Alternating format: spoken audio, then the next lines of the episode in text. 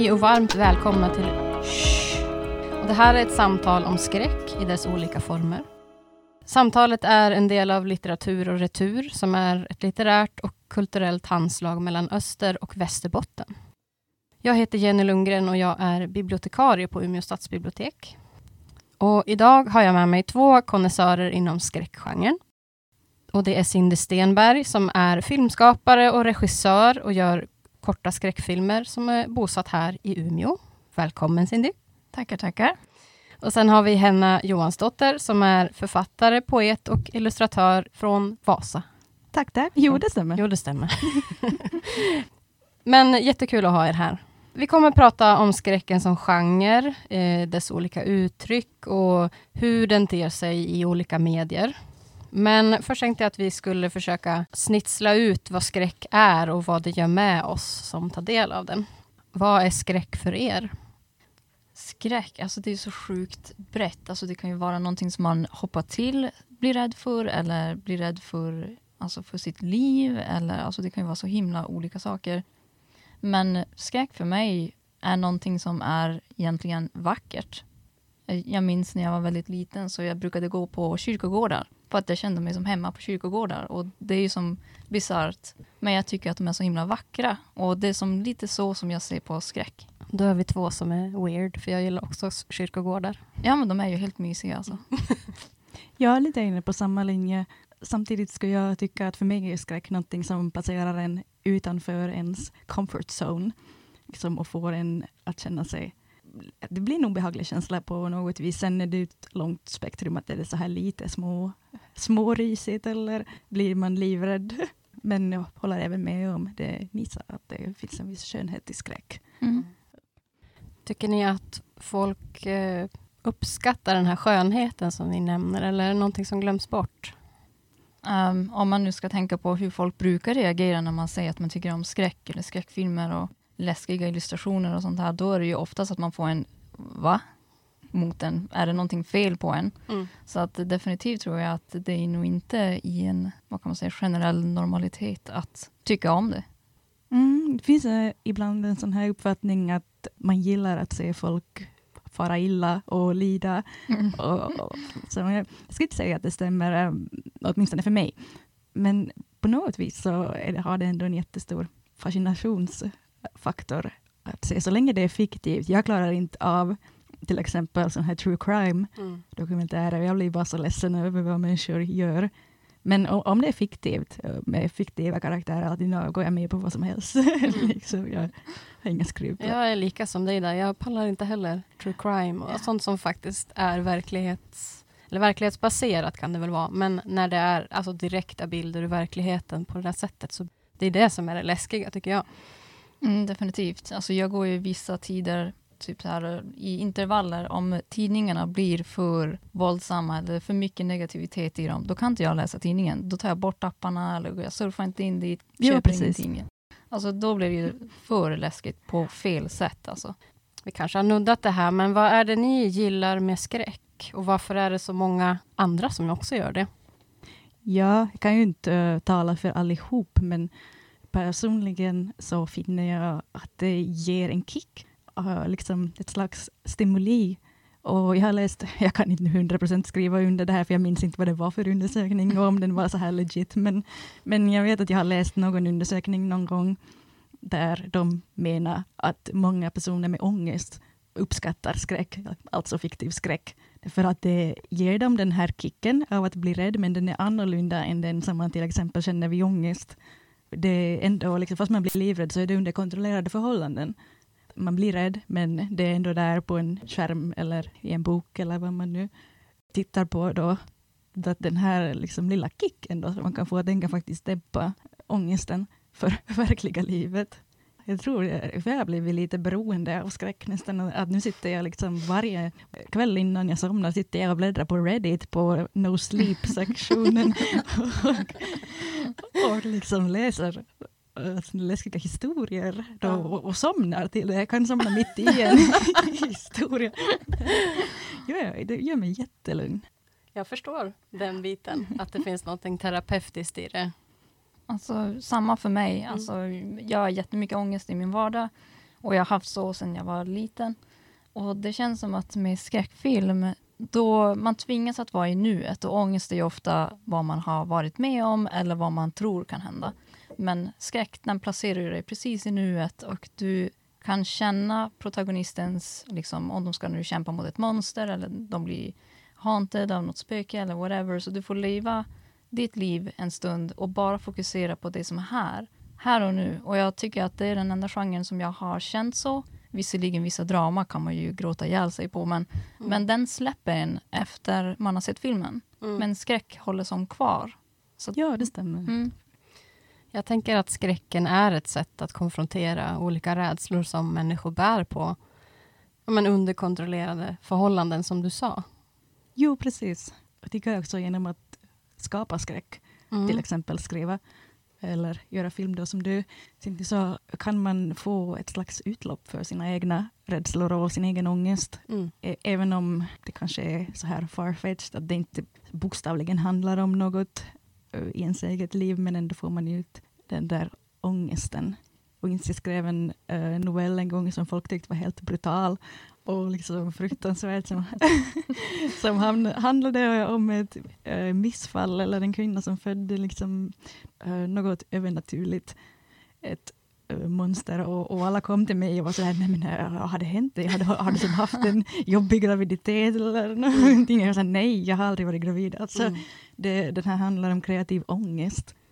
Eh, Mm. man skavar. Så till exempel eh, på det sättet tycker jag man kan få ut genom helt så här utsvävande effektiva texter. Ja, är det inte en genre som är ganska fylld av symbolik och metaforer på det sättet? mm, Jo, jo. den kan vara det. Det, det finns en podd som handlar om typ trauman och sånt. Så kan man få skicka in berättelser själv, alltså noveller eller riktigt som har hänt. Och så skulle jag pratade jag med den som hade den här podden och min, min version av att bearbeta var ju då att skriva en, en blodig hämndhistoria. och hon bara, ja, kanske får tona ner lite med blodet och våldet. Jag bara, nej. det vill jag inte vara med. Jo, precis. Jag känner igen mig i det. Ja. Din förkärlek för blodiga historier. Ja. Jag ser inte är liksom alls våldsam som person. Nej, nej gud nej. En riktig mes. Jag skrev en, en eh, lång film och så skulle jag pitcha den till folk då och de typ såhär, ja ah, den är ju bra men du måste ändra slutet, ingen kommer köpa det här. Och jag bara, va? Vad, vad menar du? Så bara, "Eh, men du måste ju liksom göra ett gladare slut. Jag bara, det finns inget glada slut i en zombiefilm. det, det finns inte. Bara, jo men du måste göra det. Så bara, Nej, jag, jag tror jag väntar med mitt manus tills någon faktiskt inser att there is no happy Ja. endings in it. Så jag kan definitivt relatera. Bara, nej, alla ska dö, punkt. Jag ska brodera det där hänga på väggen. Det finns inga lyckliga slut i en zombiefilm. ja, men skräck kopplas ju ofta samman med rädslor och fobier. Vilka rädslor porträtteras eller hanteras i skräck, alltså de olika typerna av skräck i film och litteratur och sånt. Finns det liksom gemensamma rädslor och fobier hos människor som man återkommer till? Så man märker ju absolut i de här klassiska, till exempel Hajen och andra, om man säger monsterfilmer på det sättet, att det finns universella rädslor som väldigt många, exempel, och filmer som skor sig på det, Mm. liksom, till exempel folks rädsla för hajar, Mm. som ofta är ganska ogrundad och, och, och liksom andra djur. Så där är ju en. Spindlar skulle Ja, jag säga. spindlar också. Ja. De, jag har problem med dem. Ja. Jag med. det är det värsta jag vet. Sen finns det ju förstås mördare och Mm. och allt sånt då i slasherfilmer. Men så jag skulle vilja ta upp vad en vän till mig skrev nyligen en artikel om galna människor. Eh, Galenskapen är, är tydligen väldigt skrämmande och det används jätteofta, sådana här mentalsjukhus och, Ja. Mm. och olika eh, psykiska sjukdomar som por- porträtteras fel oftast. Ja, ja, verkligen. Det har jag tänkt på att jag vill inte falla in i det när jag skriver. Ja. Liksom att jag vill inte porträttera en psykiskt sjuk människa på ett sånt där sätt. För det är, alltså, det är fel och det är gjort så många Mm. gånger. Om man tänker liksom på ett eh, mer existentiellt plan eller djupare plan så tänker jag till exempel, jag läste nyligen om det var någon avhandling eller någonting, att typ all skräckfilm är ett sätt att hantera döden. För att alla vet att den kommer och det är, typ, det är för stort för oss att hantera, så då är det liksom ett utlopp för det. Ja, det kan det ju mycket väl vara. Mm. Alltså jag har jätteproblem med döden. Inte förstås med att dö, det är vad som händer just innan man dör. Mm. Det är det jag har problem med. Så det kanske är ett sätt för mig att arbeta på just den punkten. Ja. Jo, svart sagt, det är, jag har ett stort problem egentligen med själva grejen att dö heller, men Mm. vad, vad händer just där innan? Kommer jag ha kontroll? Mm. Eller, eller blir det liksom en fruktansvärd, fruktansvärd död? Ja, gud ja. Och, och, liksom, och, och det skrämmer en verkligen. Att, Mm. man, att man kanske i slutskedet av livet inte har kontroll över hur man dör och, vad som händer innan. Oh my god, nu när du säger att, att ha kontroll också för dig, då kopplas du tillbaka till ångesten Mm. Jo, precis. som man har också. Som har, god damn it. jag lär mig saker om mig själv här. Ja, exakt. De här rädslorna då som, som kan eh, hanteras och visas i skräckfilm, är det någonting som förändras över tid, tänker ni? Att det så här, äh, människans rädslor, finns det olika perioder, olika stadier i livet där vi är rädda för olika saker? Jag skulle väl tycka att det, det finns en tydlig, alltså om man kollar på skräckfilmer sedan de startade och hur världen mår just vid den tidpunkten. Så definitivt att den skiftas. Typ zombiefilmerna brukar ju dyka upp när det är något visst globalt problem som händer. Eller osäkerhet eller alltså typ sekter och sådana saker. Så jag tror det är mm, på sätt och vis kopplat till vad som sker i världen just nu och det som blir trend den tiden. Det har någonting med det att göra tror jag. Ja, jag kommer att tänka på att zombiefilmerna fick ett uppsving eh, under den flyktingkrisen. Minns jag, för att folk, eh, liksom, folk har just den här radikaliseringen, att det, det är vi mot dem och det finns Mm. vi och dem och, och, och liksom de är annorlunda än oss och de kan skada oss. Jag minns att eh, zombiefilmer blev väldigt populära plötsligt under det. eh, till exempel den här World War Z. Mm, det är det som har, eh, som jag tyckte var fascinerande, för den hade åtminstone en väldigt symbolisk scen där de här zombiesarna liksom bara kravlar upp på varandra för att komma över muren. Mm. Ja, Mm. det, tycker jag var- det, var, alltså det var en väldigt politisk Ja. scen. Ja, är inte det någonting som också kanske går missat när folk har fördomar om skräck? Att så här, jag vet inte, man banaliserar den på något sätt. Som du säger nu så finns det ofta politiska kommentarer och innehåll. Mm. Eh, det speglar ju ofta det som händer idag, men det är som att man missar det. Ja, det är lite fördomen tror jag. Mm. Alltså, de tänker ja, men folk vill bara se blod och slå folk, Mm. bla bla bla. Men det är ju inte så att vi bara ser den för att det är... Om man bara vill se en film som man inte behöver tänka. Så känner inte jag om skräck. Skräck har ju alltid något djupare nivå än vad man tror. Mm. Det finns ju alltid någonting att läsa in i det. Så jag tror bara att folk missar det och tror att det är som en komedifilm, att man behöver inte tänka, bara i en blodigare vis. Ja. Jag har funderat lite på det här med varför man utsätter sig för skräck i olika former. Eh, om det är en viss typ av människa som gör det. För man, det är ju som att man aktiverar, man, eller man, man blir liksom hudlös inför någonting som är hemskt. Varför tror ni att man gör det? Jag är kanske lite in på detsamma som jag pratade om här tidigare. Att, eh, man hanterar, eller jag åtminstone, hanterar min ångest ganska Mm. mycket genom skräck. Och eh, ja, för man annars utsätter sig för det. Det är tydligen så att för vissa stimulerar det hjärnan på ett visst sätt. Mm. Man får just den där kicken som känns bra, fast man blir rädd Ja. i ögonblicket, men man får någon slags eh, rusning där. Det kan ju vara, alltså, om man nu ska tänka på om man är i, i en bi- biograf, en ny skräckfilm som släpps. Om man kollar på publiken runt så brukar det finnas typ olika sorters klick. Mm. Men majoriteten av klicken ser ut att vara, om man nu ska bara titta på folk och bedöma, så då ser det ut som att de är lite mer kreativare, alltså lite mer konstnärliga typer som vill se på det. En fördom som jag har mött, som jag undrar om ni också har mött, är att man gillar bara skräck dels kanske om man är ung då, men framförallt om man inte har varit med om så mycket hemskt i livet. För annars skulle man aldrig utsätta sig för det här frivilligt. Vad säger ni om det? Mm, precis, det har man nog fått höra Ja. Ja, om du hade sett riktiga hemskheter Ja. så skulle du inte tycka om det här. Och jag vet inte, no, jag är växt upp i Finland så det ett väldigt eh, lätt liv om man ser på det globalt. Mm. Så väldigt tur, men samtidigt så för den average finländaren så har mitt liv inte varit sådär jätte, jätte eh, superballt hela tiden. Och uh, speciellt psykiska hälsan har man kämpat med och, och säger att du kan ju omöjligtvis tycka om sådana här uh, filmer eller spel. Sånt där de liksom gör en grej av galenskapen och den psykiska hälsan. Men, och jag, jag kan helt se uh, den där problematiken där. Absolut, och att det inte liksom är kanske helt korrekt. Men samtidigt har jag faktiskt personligen inte så mycket emot tropen med galna eh, typ patienter. Fast jag själv har, har liksom varit en patient. Mm.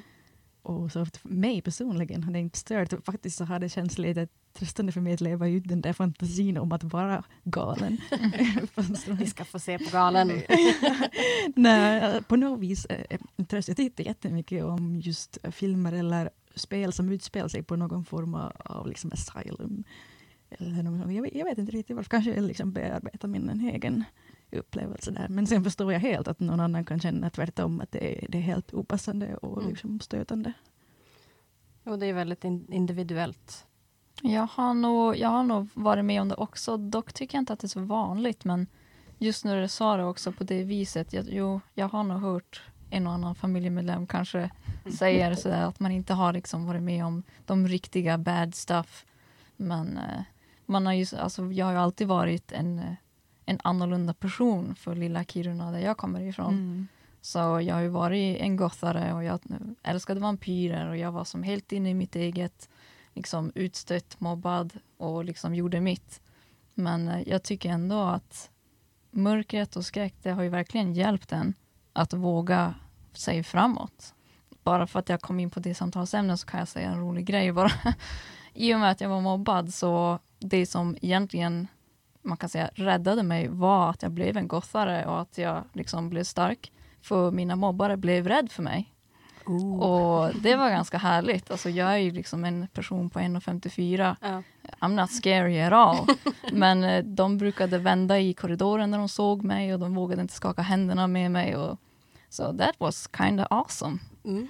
Jag har ett minne från när jag gick i gymnasiet. Då, då var jag, alltså jag älskade ju också skräck och så, Nightmare before Christmas. Och jag hade svart och rött hår och det, det, det. Kommer ihåg att jag gick förbi några i korridoren och så hörde jag hur det viskades bakom mig. Draculas dotter. Du bara, Jag bara, fuck, fuck yeah! Jo, men vad intressant att ni säger det där, för jag hade precis, eller precis och precis, men jag hade samma, Ja. samma eh, uppväxt, var väldigt utstött och mobbad och jag fann ganska mycket tröst i den här gothkulturen och, och skräckkulturen Mm. och, och det här och att jag liksom även fick utlopp för de mörka känslorna, depressionen, att jag lärde av ganska grov mobbning i högstadiet. Och eh, fast jag nu liksom är på ett annat, annat ställe i livet, men eh, det sitter ändå kvar. Ja, Liksom den gud ja. där gothkulturen och, och skräcken den liksom fortsätter att vara en vän. Ja, där. det håller ju verkligen fast den. Och sen kan ju folk säga, ja, men är du inte klar nu med den där fasen? Så bara, aldrig. Alltså, Det har aldrig Aldrig. varit en fas. nej. Mm. Ja, vad fint hörni. Nu går vi vidare till en annan fråga, ett annat ämne. Och det jag undrar är, det finns ju olika subgenrer inom skräcken. Till exempel så finns det body horror som är kroppslig och avbildar groteska stympningar, våld mot kroppen. Och så finns det till exempel psykologisk skräck som då fokuserar mentala känslomässiga tillstånd och en massa andra undergenrer också. Min fråga är väl då om ni har någon eller några favoriter och varför? Min är ju övernaturlig paranormal skräck. Och det är nog för att den simpla anledningen att det är svårare att vinna Alltså om, om det är någon, eh, om vi nu ska ta slasher till exempel, då kan jag ju fysiskt se vem jag måste ta bort för att överleva. Men med övernaturliga så är det inte lika lätt att förstå varför jag blir haunted. Är det mitt hus? Är det jag? Har jag köpt en sak som är haunted i sig? Eller, alltså det blir, finns som lite, lite mer att gräva in i. Och om man nu ska välja vad man hade velat vara med om för skräckfilm så där är ju paranormala. Mm. Det känns mer spännande för mig. Mm. Jag är lite inne på samma linje. Det, det som verkligen skrämmer mig är nog den här övernaturliga typen av skräck. Uh, tänk lite så här japansk stil, The Grudge, The, Mm. the Ring. Och, och allt sånt, sånt kryper under skinnet. Och jag, kan, jag har inget emot att se på så här body horror eller gore-filmer. Uh, jag är inte liksom, känslig för det. Men just den typen av filmerna ger inte mig så jättemycket. Jag blir inte så rädd av någon mördare eller slasher. Men liksom, när det kommer där övernaturliga nya, det som är okänt och, och som, och jag har ju fantastiskt bra fantasi, så även om tro på övernaturliga inte är en del av mitt verkliga liv, så blir jag jättelätt indragen i den där handlingen i filmen och föreställer mig i den situationen och, och kan så bli riktigt uppjagad. Mm. Ja, Jag håller nog med er, vi är lite lika där. Jag gillar också liksom paranormalt och sånt som kanske är lite oförklarligt och kanske inte är så bokstavligt eller uppenbart heller, utan det kanske kan få ligga hos mig och tolka vad det är eller det, Mm. det är läskigt att inte se vad det är eller förstå riktigt vad det är. Jag tänker att det, det hänger ihop med hur människor funkar. Liksom. Mm, definitivt. Sen jag tycka att det kan ge en ny dimension till skräck också om det går på ett språk som är obekant för en. Ja. Eh, engelska är man är van med och så har man sitt modersmål då förstås. Och fast man har undertexter, tycker jag att om det är på ett främmande språk som jag sällan hör, till exempel japanska, så, så ger det genast en ny dimension till skräcken för att man inte förstår vad de säger. Fast ja, som sagt, det finns undertexter, men det är ändå något liksom obekant där. Är det det obekanta då som gör att det blir liksom extra läskigt? Eller? Så jag skulle säga det. Och sen um, ofta så kan det vara en lite annorlunda filmkultur. Att klippningen kan vara lite annorlunda än en klassisk amerikansk film.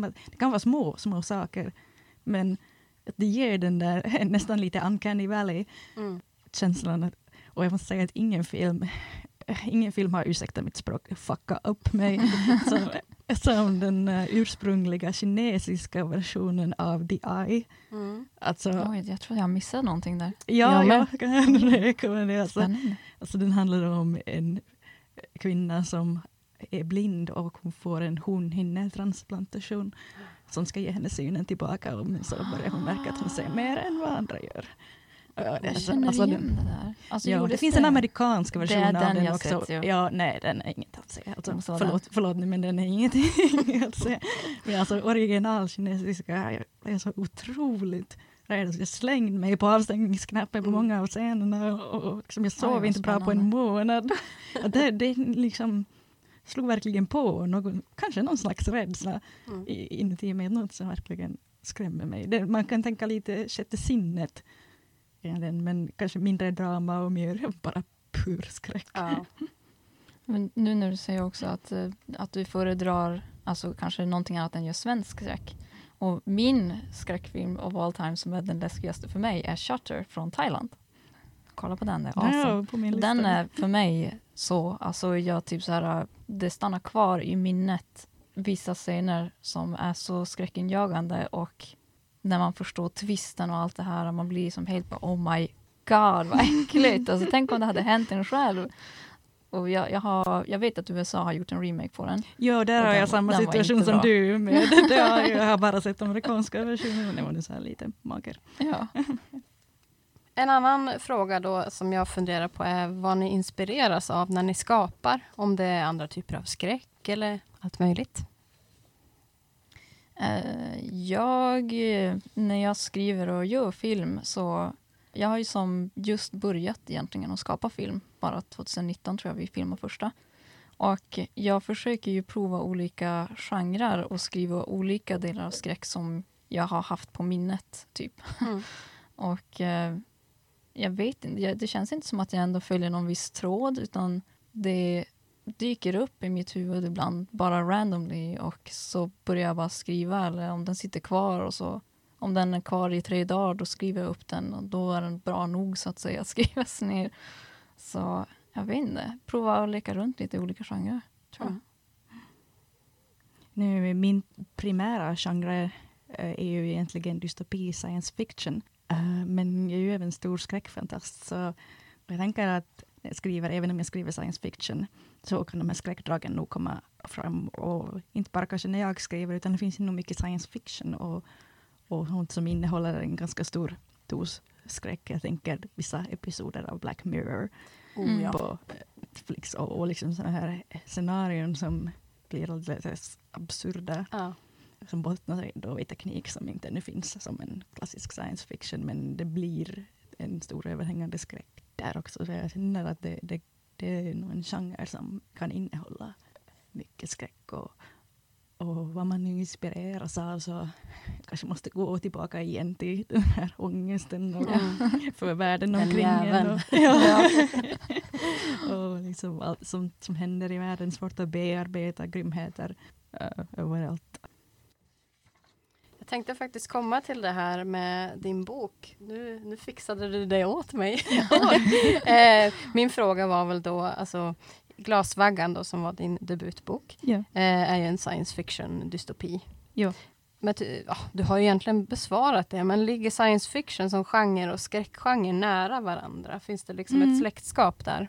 Jo, precis som jag sa, det kan, de kan ligga nära varandra. Det beror ju på liksom, historien i sig. Då. Man behöver ju inte skriva skräck science fiction. Det finns ju utopisk science fiction också. Men sån gjorde mest, man gjorde mest sånt förr i världen när man trodde på framtiden. så, så som folk säger, att det finns en skillnad ja. där i, i liksom science fiction och dystopi idag. Att det, det, idag hade det ofta liksom drag av dystopi och, Mm. och drag av skräck som visar en slags rädsla för framtiden och, och vart världen är på väg. Medan om man tänker retro science fiction så är den ofta ganska så här färgglad och, och trevligt. Oj, svävarskor och oj, Mm. vi bor på månen. Och, oj. det är så här ganska härlig Ja. science fiction. Men sen igen känner jag att jag behöver få ut mina frustrationer mot världen och Mm. allt som pågår. Jag måste få ut det genom mina berättelser och då blir, det, då blir de dystopiska. Mm. Ja. Idén till din bok, Glasvaggan, varifrån kom den? Jag skulle säga, som jag sagt i andra intervjuer, nog inte att ursprungsidén var egentligen, eller ska jag snarare säga känslan. Eh, för att ursprunget i romanen var en känsla, en enorm ens ensamhet, min depression under högstadiet som jag har nämnt. Att, uh, känslan av att vara uh, ensam i världen, eh, riktigt avskärmad från alla andra, att man är liksom på andra sidan av något osynligt glasmur. Och att ja, man känner sig all, alienerad. Mm. Och, och liksom att man inte får kontakt med någon och, och man är i sin egen lilla pool of misery.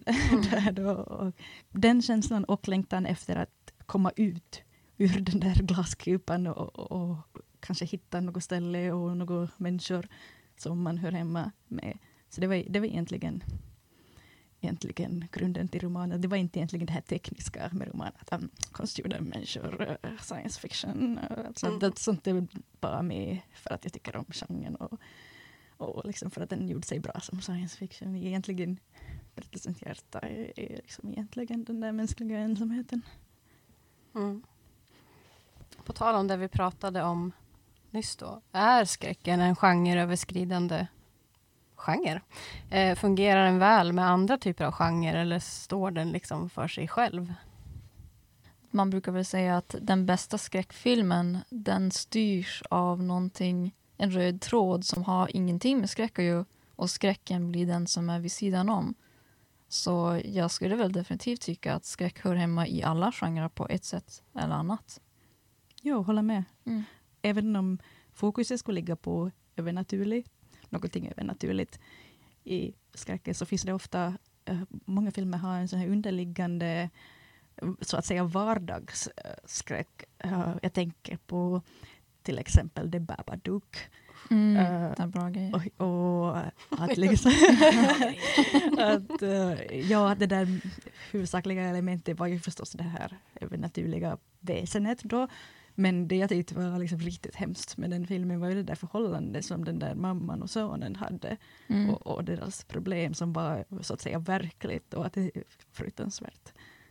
Och, liksom, kanske mer skrämmande än den där Mm. övernaturliga elementen. Och då kan man också se det övernaturliga elementet som en metafor Ja. ja. säga, för, för det problem som de går igenom då.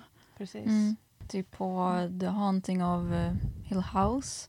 Den här tv-serien. Och där är ju grunden, den röda tråden är ju sorg. Jo, Ja, precis. Så det är som, de går igenom allt det här och så vid sidan om dem, It's a haunted house. Ja.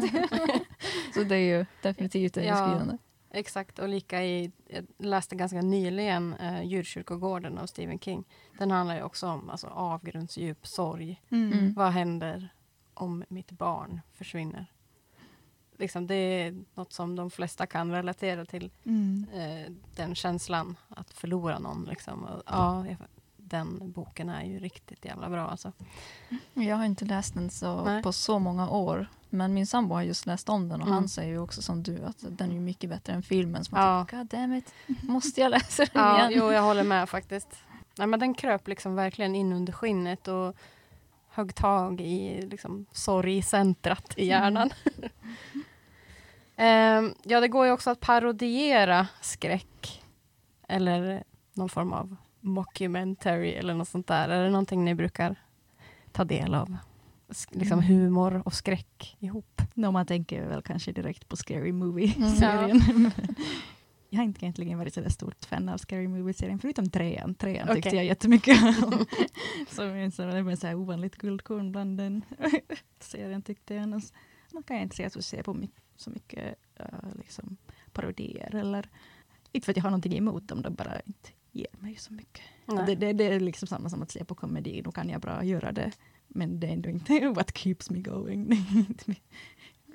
Jag älskar parodier och Mm. jag älskar Scary Movie. Alltså, jag har en sån där dröm att en vacker dag ska jag få göra en långfilm som Scary Movie fast med mina idéer istället.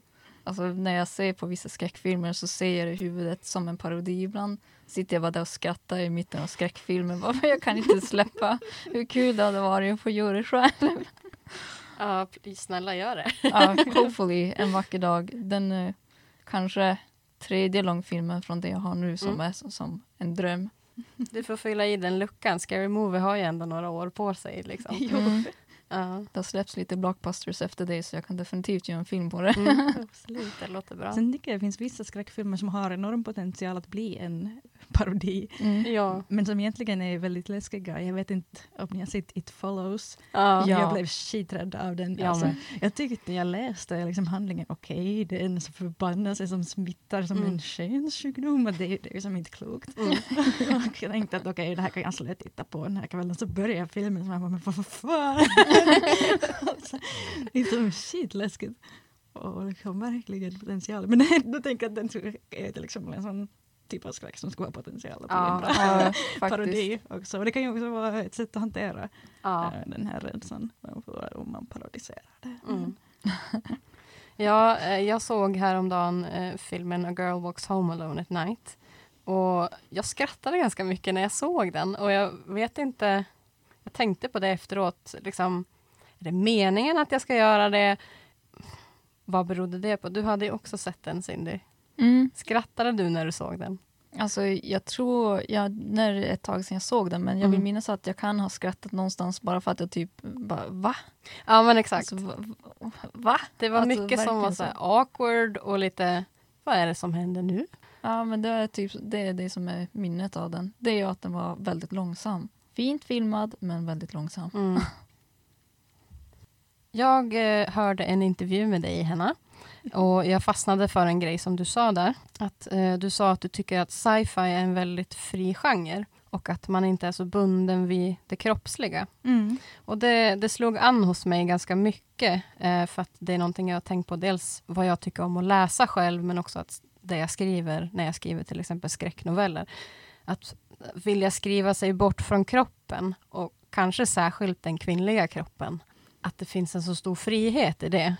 som men fantastiken tillåter. Liksom. Precis, ja. Jag har kanske uttryckt den där frustration Mm. att ibland skulle man vilja slå sig bort från sin kropp. Ja. Ja, jag har en kvinnokropp eh, som inte generellt eh, klarar av att ta sig an en man om han skulle anfalla och, och att man kan känna sig lite utsatt och hjälplös när man blir trakasserad på gatan. Vilket jag blir, man vågar inte säga till för att de är mycket starkare, Mm. fysiskt starkare än en. Och det finns inte så mycket man kan göra, man måste bara liksom gå därifrån.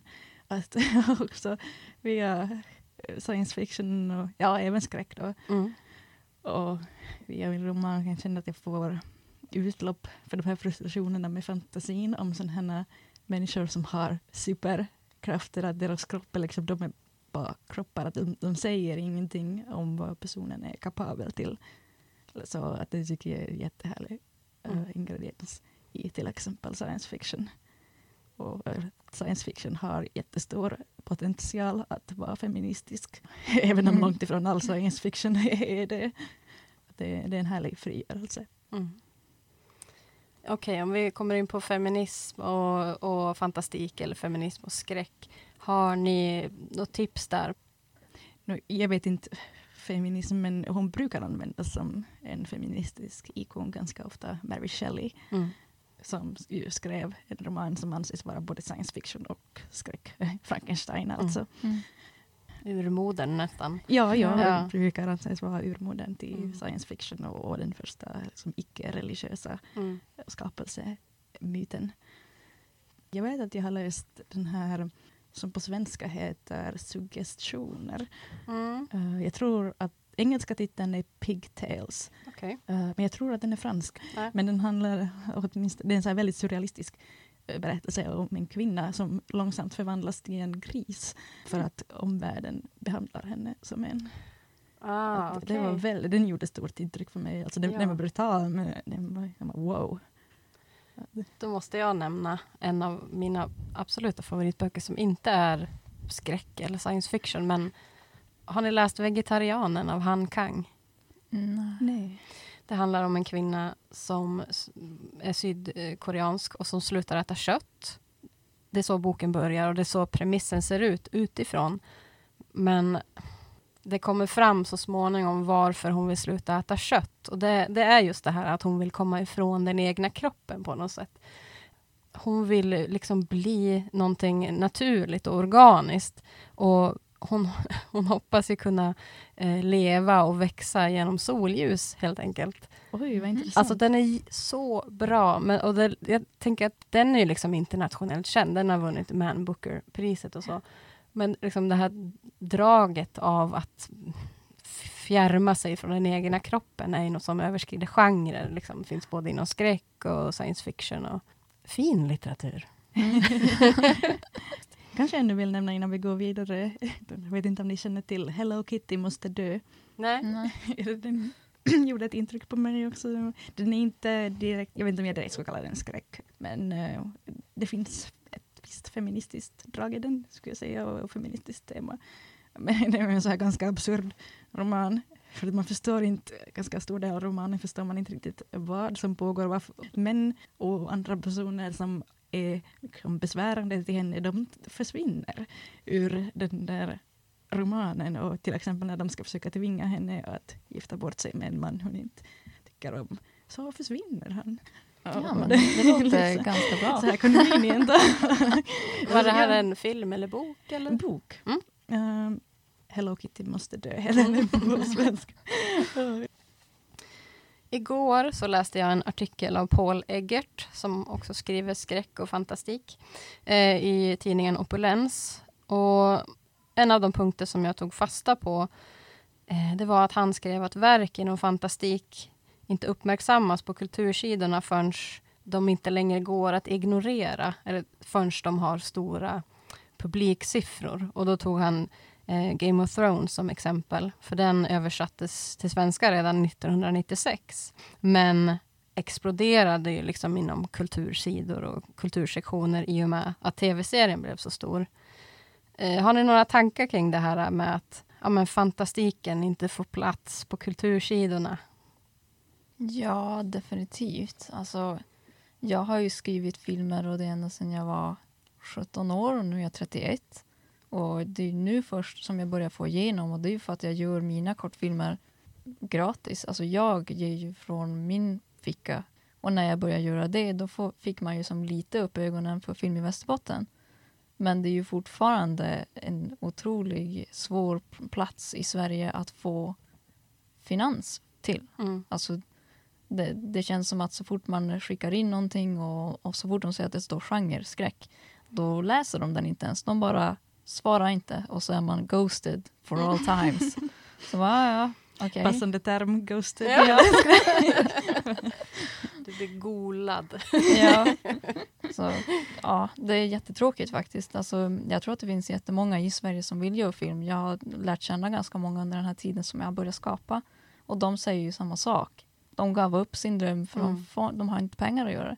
Så man måste ju alltid jobba ett heltidsjobb och sen ge från sin egen ficka och sen hoppas att folk vill jobba gratis. Ja. Alltså, man får ju inga pengar. Och sen samtidigt så säger Sveriges publik att ja, men, de är less på crime och de är less på liksom, drama och sådana här saker. Men ändå får man inte pengar. Mm. Ja, och att publiken säger att ja, men Sveriges skräck är ju så, så dålig Mhm. och de har inga bra skådespelare, de har inga pengar. Så bara, Nej, men det är för att vi inte får några pengar. Alla måste jobba gratis. Mm. Man kan inte få top of notch people om man inte har någonting att betala dem för. Nej. Om det är någonting man får höra som finlandssvensk författare så är det ju att hör du, det där går aldrig. Större chanser om man skriver i en genre om till exempel lokal historia. Uh, liksom, men skriver man genre-litteratur och tycker att so far-fetched som min young adult science fiction. Det var nog många som sa till mig att det där får du aldrig ut, Ja. utgivet. Alltså det där går inte. Inte skriver man sånt här i svensk Finland. Men det är ju intressant. Det är ju, jag vet att det finns jättemånga i svensk Finland som älskar eh, till exempel fantasy och science fiction och även skräck. Och liksom har potential och, och har en chans. Och det är synd att de också kommer att få höra det här att ja, ja, lilla gumman. Ja. Och, och, liksom att man ja, blir ofta tillsagd att man har dåliga odds. Men jag är trotsat oddsen. Så jag Exakt. hoppas att det kan inspirera någon. För jag vet att det finns vi har jättemycket bra författare som inte ännu har blivit utgivna. Mm. Mm. Jag ska säga det för den som inte vet att med fantastik så brukar man eh, prata om fantasy, science fiction och skräck. Varför tror ni att den här inställningen finns till eh, fantastiken? Liksom, varför finns det, får den inte plats i de fina rummen eller varför, varför får man inte finanser? Åtminstone i Sverige så känns det som att svenskarna har fått en bild för sig själv från Ingemar Bergman. Det ska vara vackert. Och det är ju som en skräck det han skrev, sort of. Men det, de fokuserar bara på att det var vackert. Det ska Mm. vara drama, det ska kännas, det ska vara, det ska vara som ett konstverk. Visserligen, skräck kan vara konst i sig också. Jag har jättemånga sådana exempel. Men det känns som att Sverige stannar där Mm. om det inte är vackert konst på det viset, då är den inte värd någonting. Det är min bild av vad det är. Mm. Jag vet inte om vi har något bra svar på frågan varför det är så. Men det är mycket så att genre-litteratur anses ju inte fin. Och speciellt om man är young adult, som jag. Det, det är verkligen inte fint. Det, och det är synd att young adult framförallt ses som det, att, att det är liksom inte riktig litteratur.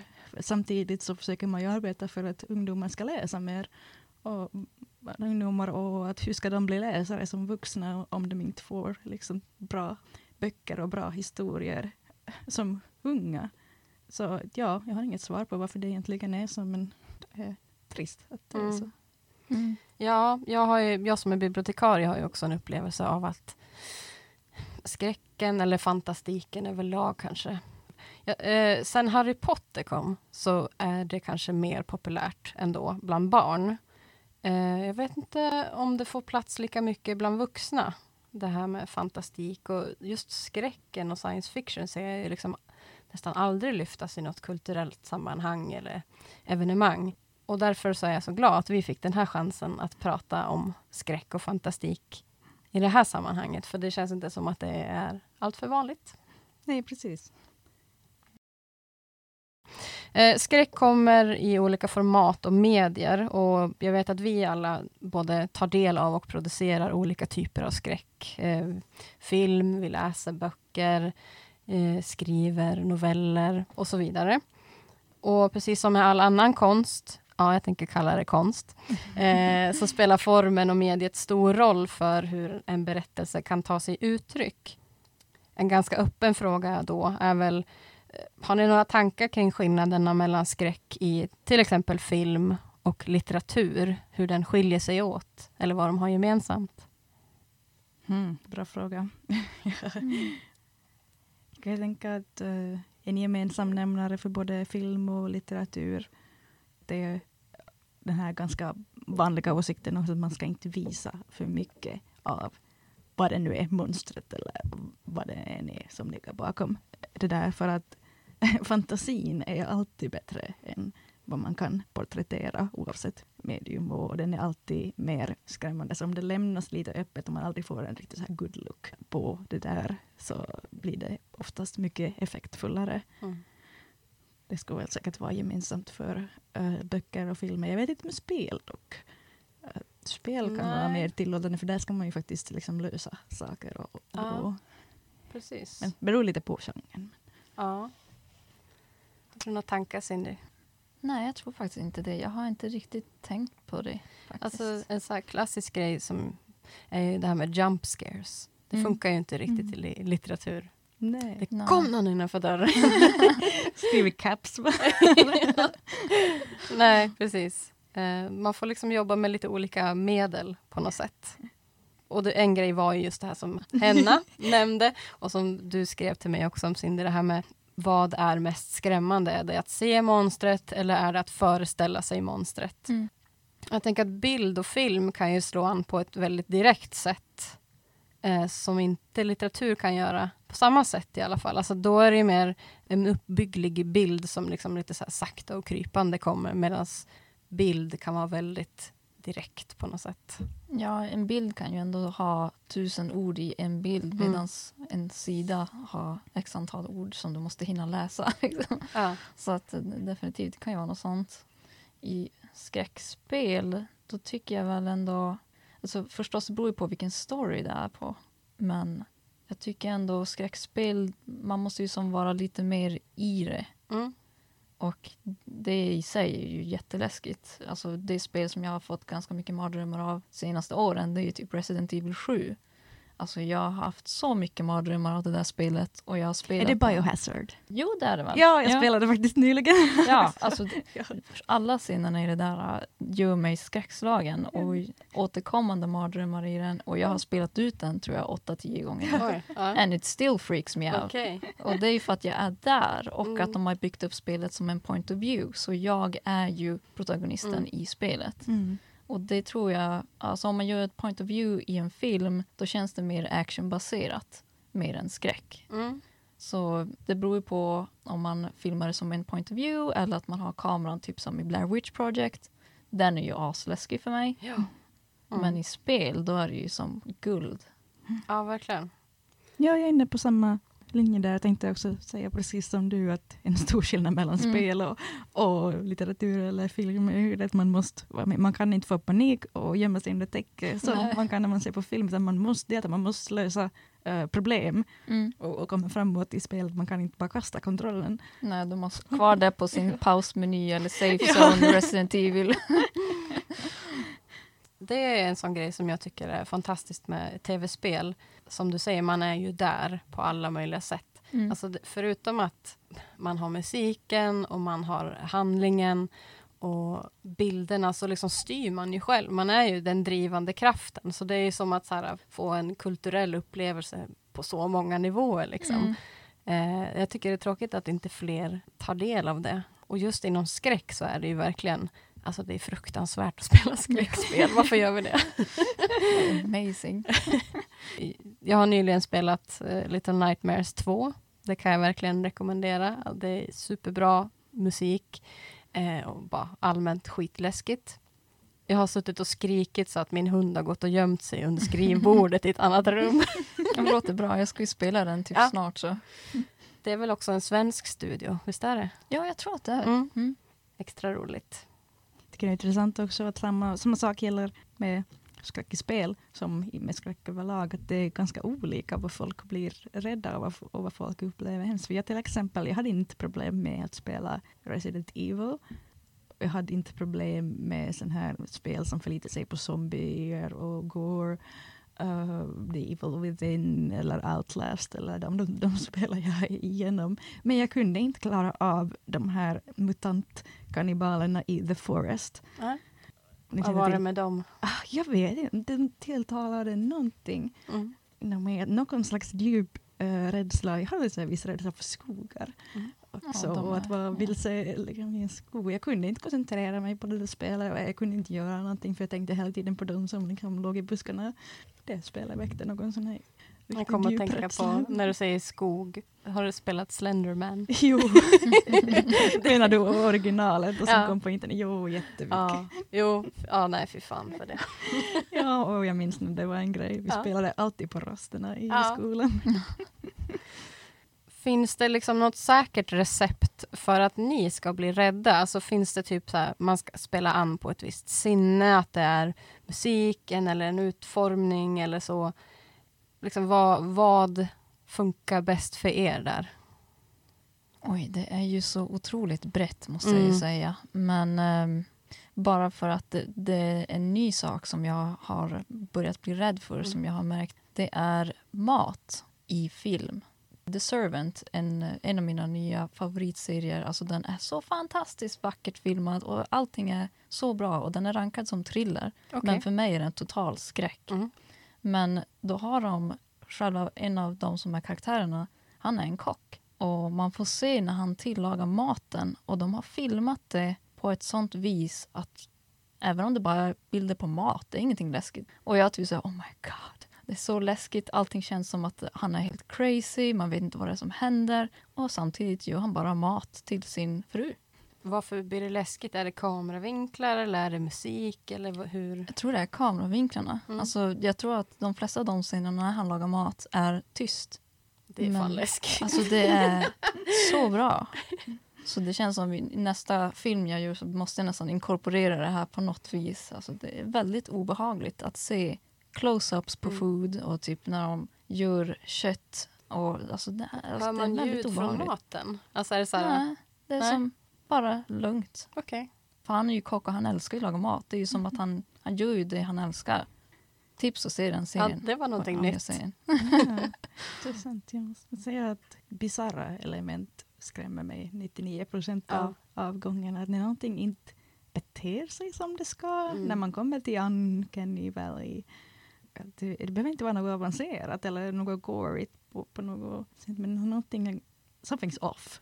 Som att då, ja, det skrämmer mig. Det är typ när den där pojken låter som en katt i, Ja. i The Ja. Grudge. Alltså, vad fan? Det där ska inte gå. Eh, det är nog kanske så här ett säkert kort om, om man vill skrämma mig. Jag upptäckte nyligen ja, charmen i att dramatisera skräck i radio. Och det är alltså via podden Skymningsland. Har ni hört den? Nej, det har jag nog inte. Okej, då måste ni höra den. Det är alltså skräcknoveller som skrivs av olika författare i uppläsning av lite olika personer. Eh, De flesta säsongerna så är det Lennart Jäkel som läser upp. Och jag älskar ju honom. Och att han läser upp skräck med den där basrösten, det, ja, det är skitbra. Men då till exempel så var det en novell av Jenny Lundin som heter Viskningar. Jag vet inte om jag hade tyckt att den var så läskig om inte den blev dramatiserad med så alla bakgrundsljud, eh, konversationerna som fördes i den och de här faktiska viskningarna som jag hörde, som var liksom inspelad på en bandspelare i storyn. Och så liksom hörde jag dem så nära örat och jag Mm. totalt rös. Liksom. Och det, jag, jag blev liksom varse då att ja, men hur man kan eh, göra till liv olika typer av berättelser med så små medel ändå. Så det var en, en sån ny upptäckt för mig, att radiodramatisering av skräck kan fan skrämma skiten ur en. Ja, det har jag aldrig testat på. Och Creepypodden är också ett bra exempel på det. Ja, jag tänkte att vi skulle börja runda av det här. Men då vill jag ju fråga vad ni har på gång bägge två. Sitter ni och jobbar och skriver på någonting just nu? Ja, absolut. Jag skriver på min nästa roman. Det är meningen att det ska komma ut i början av nästa höst. Håller mig delvis i min dystopi, young adult-genre, men berättelsen i den här är ganska annorlunda från den i Glasvaggan. Den, och kanske så lite otippad, åtminstone av de som inte känner mig så bra. Så den handlar om en manlig prostituerad i en framtidsstad. Spännande. Ja, vid sidan om det så studerar jag faktiskt speldesign. Ja, jag, jag Mm. hörde det, att du funderade på att flytta till Sverige kanske för spelutveckling. Jo, sen gick det inte igenom för det var helt praktiskt omöjligt att Ah, flytta okej. när coronan kom. Ingen kunde komma och hjälpa mig, ingen kunde vara i karantän. Kunde, Så då sökte jag istället till en uh, motsvarande utbildning på engelska som är baserad här i Finland men den är som internationell. Okej, Det kommer folk från hela världen och liksom game design heter den. Mm, Kul. Spännande. Ehm, jag har jättemycket projekt igång, men eh, vi släppte just den senaste kortfilmen, The Bell Ringer. Så den finns att se nu om man letar efter bra skräckfilmer att se för halloween. Och vi har ju redan existerande fem kortfilmer som också finns där att se på. Vi har också påbörjat vår postproduktion för nästa kortfilm som släpps troligtvis november-december i år. Sen har jag även ett poesianimeringsprojekt oj. som jag är väldigt exalterad över. Lite mörka dikter som jag har haft som en dröm att få animerat. Och det slog mig typ om det var en månad sedan att wait, I can actually do that now. Så jag tog kontakt med en person här i Sverige som är jätteduktig och jag skickade in storyboarden till det i förrgår. Så att det är igång. Ja, det känns väldigt kul. Alltså lite mer stuk av Tim Burtons tidiga verk. Okej, Så härligt. det Häftigt, känns ja. jättespännande faktiskt. Lycka till! Ja, Ja, verkligen. Eh, har du läst hans poesiböcker? ja det har jag. Jag älskar dem. De är så underbart vackra. Och den här uh, snäckpojken, vad fan Åh, heter den? ja. Jag minns inte vad den heter, Nej. men jag minns vilken du menar. Ja. Min favorit är ju hon med eh, The Voodoo Doll. Hennes hjärta som alltid, Ja. den, den får aldrig vara liksom fri. om att, Oh my god, it's so beautiful! Och ehm, så har jag en långfilm på G. Så Mm. om allting går som det ska så kommer det finnas en långfilm 2022. Ni kan följa på sociala medier på Uncanny Pictures. Jag visar ju även mina storyboards och lite grann vad jag gör som indiefilmskapare när man inte har jättemycket pengar. Ja. Häftigt. Så, ja. Vi kommer ju också att skriva till de här detaljerna med sociala medier om ni vill följa eh, Henna och Cindy på, eh, i detaljerna till det här poddavsnittet. Mm. Eh, men vill du också berätta vart man kan eh, höra och läsa och se mer av dig? Ah, ja, jag är mest aktiv på Instagram på henna understreck Johansdotter. Skriver även ibland artiklar för tidningar och, och för mitt förlag, ibland dikter och sånt. Men allt brukar jag länka till på min Instagram, så följer man där så brukar man hänga med allt. Och vill man läsa lite eh, recensioner av böcker så kan man gärna gå in på min Instagram som heter jennys.bibliotek. Jag brukar recensera en del skräck men också en massa annat. Eh, jag tänkte bara be er om en sista grej och det är om ni har något tips som ni vill dela med er av eh, på skräcktemat. Ja, eftersom att det nyligt nämnde så The Servant. Och det finns två säsonger ute. En, en tv-serie som är i genren thriller, men jag tycker den är skräck. Och den är väldigt inspirerande på alla sätt och vis. Jag vill bara att folk ska gå och se den så att det blir fler säsonger. Jag vet inte, men så spontant skulle jag kanske, förutom Reddits No Sleep då, som jag är ivrig läsare av, eh, så läser jag också ofta en blogg som heter The Ghost in My Machine. Jag har alltid varit fascinerad av urbana eh, legender och vandringssägner. Mm. Ni, samt även sådana ritualspel som liksom då supposedly får något övernaturligt att hända. Och alltså sånt skrämmer mig jättemycket. Och hon som driver den där bloggen, så hon skriver väldigt bra eh, och sammanfattar, skriver om de här olika spelen, de olika legenderna, eh, allt möjligt. Mm. Och jag vill också tipsa om förlaget Swedish Zombie och deras serie Den nya skräcken eh, som innehåller ett gäng kortromaner med både samhällskritik och body horror. Två av mina favoriter är Jenny Lundins Slaktmarker och Frida Windelheds Rött universum. Då vill jag säga tack för att ni kom. Jättekul att få prata om det här mer.